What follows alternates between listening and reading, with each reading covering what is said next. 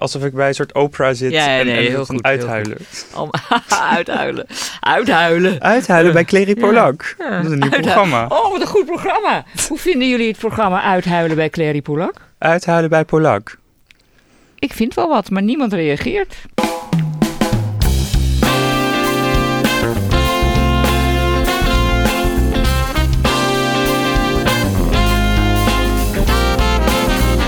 Welkom bij eh Trace, de laatste redactievergadering over eh, drugs. Een beetje de after van deze cyclus. En we gaan eh, vandaag afsluiten, maar dat doen we natuurlijk eh, niet voordat we onze reflecties hebben gegeven en onze conclusies hebben getrokken. Altijd weer met uh, Clary. Hoi. Al- altijd weer. Altijd weer met Clary. Altijd weer met Clary. Jij gaat natuurlijk niet op vakantie, eh, want eh Ik heb Mike is er vakantie. niet. Mike is op vakantie, Eh, maar dat betekent dat Tessa terug is. Yay! Hoe is het? Goed, Hoe uitgerust. vakantie? Ja? Heerlijk. Heb je de reportages teruggeluisterd inmiddels? Ik heb ze allemaal teruggeluisterd, ja. En wat vond je ervan? Wat waren de belangrijkste dingen die je er zo uit hebt kunnen halen? Bijvoorbeeld eh, uit die van Mijke. Nou, bij mij, ik, wi- ik wist wel dat er drugsdumpingen plaatsvonden. Ik wist niet dat ze op zo'n grote schaal plaatsvonden. Ik dacht alleen zelf, dat is echt een ongelofelijke natuurramp. Alles gaat dood, het zijpelt diep tot in de grond door en het is niet op te ruimen. En wat ik eigenlijk niet om te bagatelliseren, want het is heel ernstig. Maar het is dus eigenlijk wel goed op te ruimen. Nou ja, dat weten we dus eigenlijk niet. Hè? Precies, dat weet je De- niet. volgens mij is het probleem van wat Mijke juist bloot heeft gelegd, is dat we dat wel doen, dat opruimen en dat afgraven en allemaal voor alle zekerheid, maar dat we eigenlijk niet weten wat er gebeurt als het bijvoorbeeld in het water komt. Nou, precies. Ik heb, dan heb ik het nu voornamelijk over de grond. Want dat is af te graven en dat doen we allemaal met de grootste mogelijke voorzorgsmaatregelen zoveel mogelijk afgraven. Maar water inderdaad, dat is dan het enige waarvan we niet weten wat de lange termijn Nou ja, maar, zijn. maar, maar we weten ook niet hoeveel drugsdumpingen nou precies per jaar plaatsvinden. Dat weten we ook niet. We weten ook niet hoeveel daders daarbij betrokken zijn, omdat ze niet worden gepakt. Ja. En wat we wel weten, en dat vond ik een eye-opener, is dat blijkbaar de overheid niet echt een prioriteit heeft bij het opruimen van al die dumpingen. En dat ze daarbij de mensen in wier achtertuin dat gebeurt ook Ja. niet heel erg helpen. Nee, dat vond ik ook nee, dat was een behoorlijk hartverscheurend verhaal eh, van iemand die daar behoorlijk leed van heeft geleden. Ja, hartverscheurend. Oké. Nou ja, Ja. ik vond het nou, best wel. Ja, nou oké. Nou, ja. een mevrouw die daar jarenlang ook niet weet wat er gebeurt. En Het sport- heb je het nu over. Oh, ja, ja, ja, ja, ja, ja. ja. Wat ik dan trouwens nog een eye-opener vond, is wat ik niet wist, is dat er een heel duidelijk verband is tussen de reportages van Mijke en die van mij. Want het aantal drugsdumpingen, dat heeft dus een hele duidelijke link met mijn vraag die ik stelde. Waarom worden die pillen steeds zwaarder? Ja. Ja, En zeker. dan even samenvattend, voor 2008 werd safrol gebruikt als grondstof voor MDMA. En daar werd strenger op gehandhaafd, kwam uit China en Cambodja. Ehm, daar werd strenger op gehandhaafd, kwam minder in Nederland terecht. Dus zijn ze dat zelf gaan maken uit legale grondstoffen. Een synthetische variant. En dat levert dus een stuk meer drugsafval af. Ik geloof van 7 kilo naar 18 kilo per kilo MDMA. En daarom zijn er dus zo ongelooflijk veel drugsdumpingen bijgekomen. Ja, en in de voorgaande redactievergadering waar, waar jij toen op vakantie was, eh, stelde Claire wel een hele interessante vraag over of dat nou ook incidenten veroorzaakt dat er meer MDMA in zo'n pil komt. Nou, ja, of er dus meer incidenten zijn. Of Of, meer- mensen vaker bij de dokter of in het ziekenhuis terechtkomen. Als ze dus blijkbaar een pilletje dat sterker is genomen dan ze aanvankelijk dachten. Ja, ik ben, ik ben daar even ingedoken. En eh, wat blijkt, ik heb twee rapporten gevonden, allebei van het Trimbos Instituut. Eh, bij één is ook het Nederlands Forensisch Instituut erbij betrokken. Wat blijkt is dat er meer MDMA-gerelateerde drugsincidenten zijn. Dat zijn niet, dus eh, niet de sterftegevallen, maar dat zijn gewoon meer dat er mensen bij een EHBO-post bijvoorbeeld terechtkomen. Ehm, maar er zijn ook meer sterfgevallen. Maar wat er heel duidelijk aangegeven wordt in beide rapporten is dat het de link tussen de zwaarder wordende pillen en die sterfgevallen niet te leggen is. Omdat het iets veroorzaakt, bijvoorbeeld hartfalen of zo. Waardoor je niet meer weet of het nou aan het hart ligt of aan het pilletje. Nou, precies. En ook omdat er zijn eh, gelukkig maar heel weinig sterfgevallen. En bij al die gevallen waren er ook andere lichamelijke afwijkingen, om het maar zo te benoemen, waren aanwezig. Bijvoorbeeld een hartafwijking, waardoor die MDMA veel ernstigere gevolgen heeft en in die zin gevaarlijker. Nou ja, het is zorgelijk en gevaarlijker omdat je het vaak niet weet natuurlijk. Precies, Omdat je het ja. niet meer kan meten. En ze kunnen, ook niet, ze kunnen ook niet precies vaststellen welke dosering nou echt schade oplevert. En soms is dat al bij een hele lage dosering, omdat je er gewoon stomweg allergisch voor Nou ja, bent. dat of- zal precies inderdaad per persoon eh, Ja. verschillen. Ja. Dus. En wat ik wel heel opvallend vond aan je reportage is zelfs wanneer je een bewuste drugsgebruiker bent, je wel in gevaar kan komen, je, je gezondheid op het spel kan zetten. Uh, zoals je de vorige keer ook zei, die, die vormen van die pillen die worden steeds raarder. Waardoor je denkt, oh, nu ga ik een kwartje eraf halen, want dat is uh, bewust uh, goed omgaan met zo'n pil. Dat je alsnog dan in gevaar kan komen, ja. omdat je niet weet wat een kwartje is. Ja. Nooit bijten, hè? altijd met een mesje. Of met een pillensnijder. pillensnijder. Of met een pillensnijder. Die heeft de hele redactie van, uh, van onze producer gekregen. Echt waar? Ja. Ik niet. Dan zullen we daar ook nog even eentje... Nee, hoeft niet. Ik gebruik ze toch niet.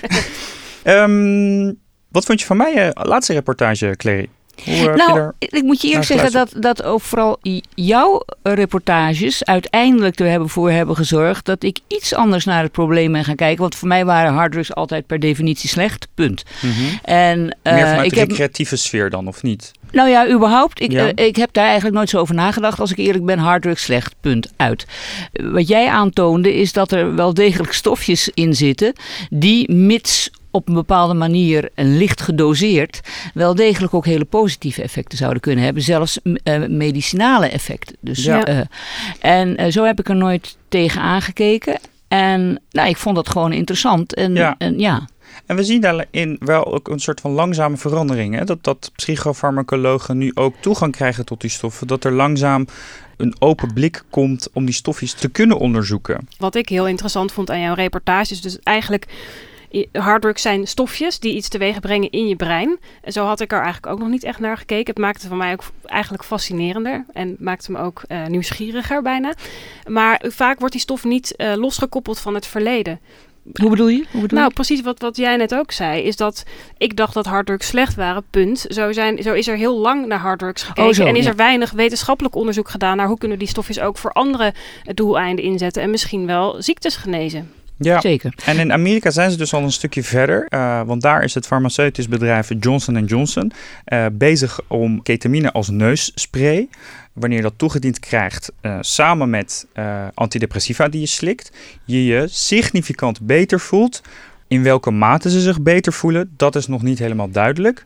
Het betekent niet dat we deze neusspray met hele positieve onderzoeksresultaten nu in de apotheek kunnen krijgen. Daar moet wel een toetsingscommissie, dat de FDA, uh, beoordelen of het medicijn op de markt kan worden gebracht. En op dit moment overweegt het farmaceutisch bedrijf Johnson Johnson om zo'n aanvraag in te dienen. Overweegt en wat zou ze letten? Wat zou ze letten? Uh, dat ze nog meer zeker. Dat weet ik niet. Hè? Het is nu Nee, persoonlijke ja. dat ik dit zeg. Misschien dat, ze, uh, dat het heel veel geld kan kosten. Dat het ze misschien niet opbrengt wat ze uiteindelijk willen. En misschien omdat ze dan moeten werken met illegale stoffen. En dat het dus ingewikkeld is om daar toestemming voor te krijgen om Precies. daarmee en te dat werken. was ook het spoor waar ik heel erg lang op zat. Omdat ik dacht dat ketamine op lijst 1 in de opiumwet stond. Maar dat is niet het geval. Oh ja, dat ketamine zei je, ja. staat in de geneesmiddelenwet. Ja. Dus je hoeft er geen opiumontheffing voor aan te vragen.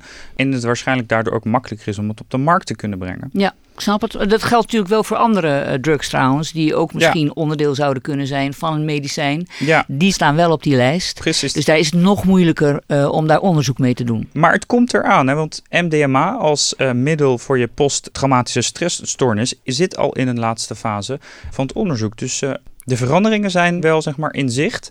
Wat ik trouwens een hele interessante vraag vond van eh Mijke in haar allerlaatste reportage. Ik ga hem eh, even voorlezen.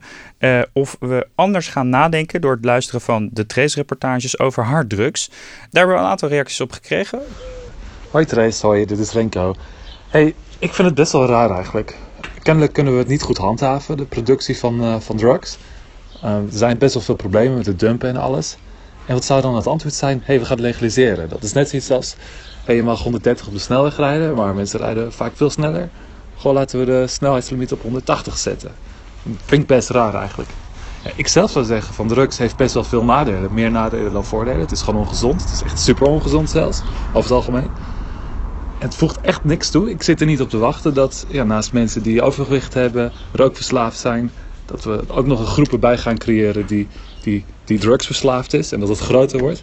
Ja, ik zou zeggen, hey, dit werkt dus niet het huidige systeem. Laten we het verbieden. Veel logischer toch dan, uh, dan het uh, tolereren. Nou, hey, dat was mijn input. Succes. Dank je. Hoi. Maar een andere Trace-luisteraar, uh, die is er ook over gaan nadenken over harddrugs. En hij denkt juist het tegenovergestelde. Laten we naar hem luisteren. Hoi Trace. Uh, ik ben inderdaad wat anders gaan denken over uh, harddrugs sinds jullie eh, reportages. En dan voornamelijk die, dat drugsafval. De hoeveelheid daarvan is echt bizar. En dus ook, als je bedenkt hoe weinig er nodig is uh, voor één pilletje, hoe ontzettend veel er verhandeld en gebruikt wordt, dus blijkbaar. Ik uh, heb het zelf ook wel eens gebruikt en uh, als je ziet hoe, hoe makkelijk je het kan kopen op het dark web en hoe professioneel het allemaal is, lijkt mij legalisering ook de enige manier. Want de war on drugs, die is natuurlijk al lang verloren. Dus ja, legaliseren die zooi, denk ik. Groetjes en ga zo door. En Tessa, ben jij anders gaan nadenken over het wel of niet legaliseren van, uh, van drugs? Nou, ik, heb, ik stelde die vraag ook in mijn eigen reportage. Ik heb daar superveel reacties op gekregen waarbij het merendeel voor legaliseren was overigens. En ik heb natuurlijk onderzoek gedaan naar MDMA, naar ecstasy. Dus ik vind het lastig om over alle harddrugs te praten. Maar als ik het over MDMA heb, dan denk ik wel echt dat de, dat de nadelen niet opwegen tegen de voordelen van legaliseren. Want het is beter voor het milieu. Alle drugsdumpingen worden niet meer lukraak overal in een bos uh, of in het water geloosd of gedumpt in het bos. Ehm, het is beter voor de gebruiker, veel beter, want je hebt niet meer te maken met pillen die extreem hoog gedoseerd zijn. En ik denk dat je een heel groot deel van de criminaliteit kan ondervangen. Dus dan zou ik bij MDMA zeggen, zeker met de lijst van het RIVM die jullie in de vorige redactie hebben aangehaald, die heb ik weer meegenomen. Pak hem erbij. Daar staat dat ecstasy op plaats 12 staat eh, in de volgorde van welke drugs zijn gevaarlijk en minder gevaarlijk. Wat staat 1? Eén staat crack, twee heroïne, maar drie tabak en vier alcohol. Maar dan hebben we het daar dus ook over, hè? crack en heroïne. We hebben het niet alleen maar over die, die dingen die we nu hebben onderzocht, maar we hebben het ook over crack en heroïne. Of je moet onderscheid maken in de legalisering. Ik vind het lastig om over al deze drugs te praten. Over MDMA zou ik zeggen, volgens mij zou je dat gewoon moeten gaan legaliseren. Ja, precies, want je hebt een lijst waar verschillende hm. soorten drugs staan. Dus je kunt ook een stofje pakken en die uit de lijst zetten. In plaats van natuurlijk die hele lijst op te geven. Nou ja, dat is is wel belangrijk om er even een onderscheid in te maken. Dat denk jij, jij ja. ja, nou ja, ja goed. Ik, ik moet eerlijk zeggen, ik, ik, ik, begon aan deze hele serie uh, als Renko, zal ik maar even zeggen, die we net hoorden.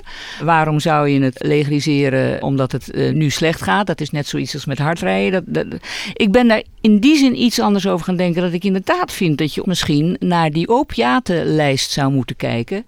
En dan onder toezicht. En het is, gaat namelijk ook om hoe je legaliseert. Uh, ja. Zeg je dan, ja, laten we het eruit halen en laten we dan onder overheidstoezicht de productie doen. Dan ondervang je ook het uh, probleem van het afval en zo. Ja.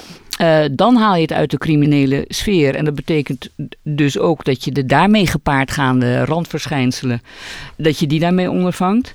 Dat zou je kunnen doen, maar dat is niet zomaar in het algemeen voor legalisering zijn. Dat is onder voorwaarden. Daar ben ik voor. Onder bepaalde voorwaarden, dat ja. vind ik best een verandering.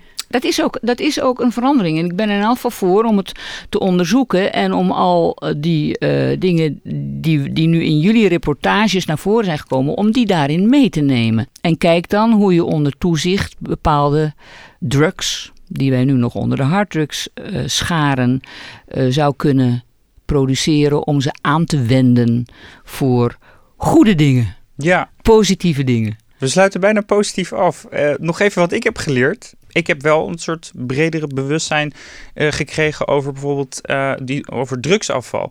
want we begonnen hier met een oproep van de korpschef. En die zei van ja, die, die, die drugsconsument moet daar veel bewuster mee omgaan. Laat de overheid daar maar eens mee beginnen met zelfbewust te zijn van het feit dat zij natuurlijk ook daar een verantwoordelijkheid hebben. Die ze niet, blijkens de reportage van Meike, voor 100% nemen. Ja, maar niet alleen bij de overheid. Ik denk ook bij de gebruiker zelf. Was jij het kan beide bewust, kanten op hierin. Was jij zo bewust van, van al dat drugsafval?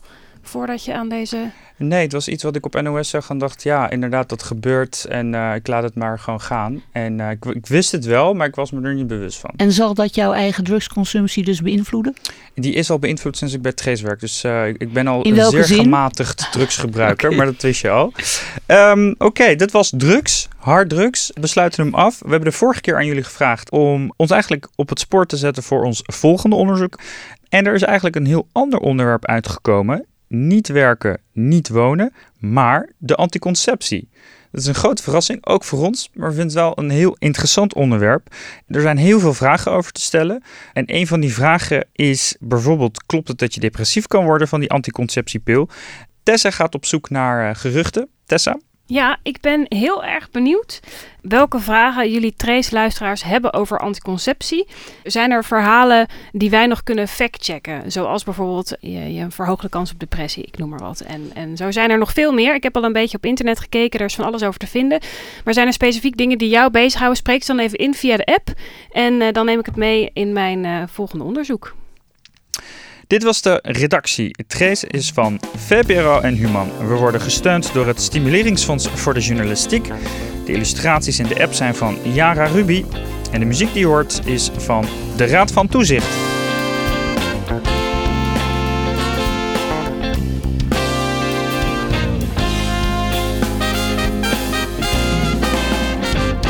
Shoutout deze week gaat naar onze maat en toeverlaat en duizendpoot van Trace, Sanne van der Pel.